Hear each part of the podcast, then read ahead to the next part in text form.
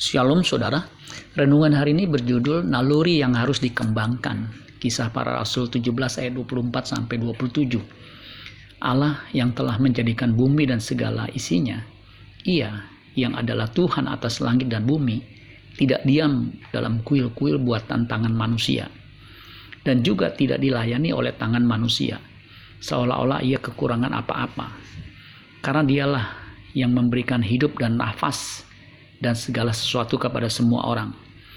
Dari satu orang saja, ia telah menjadikan semua bangsa dan umat manusia untuk mendiami seluruh muka bumi.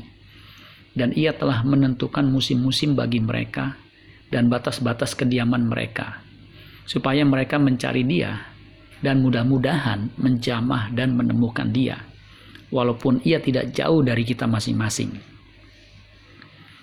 Manusia punya naluri alamiah naluri kebutuhan, lapar, haus, seks, dan lain sebagainya.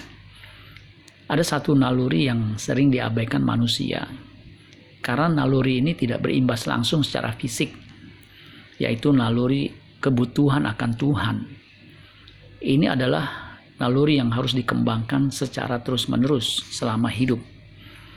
Jika tidak mengembangkan naluri ini, manusia tidak ada bedanya dengan binatang Berbahagialah manusia yang mengembangkan naluri ini dan menemukan Tuhan.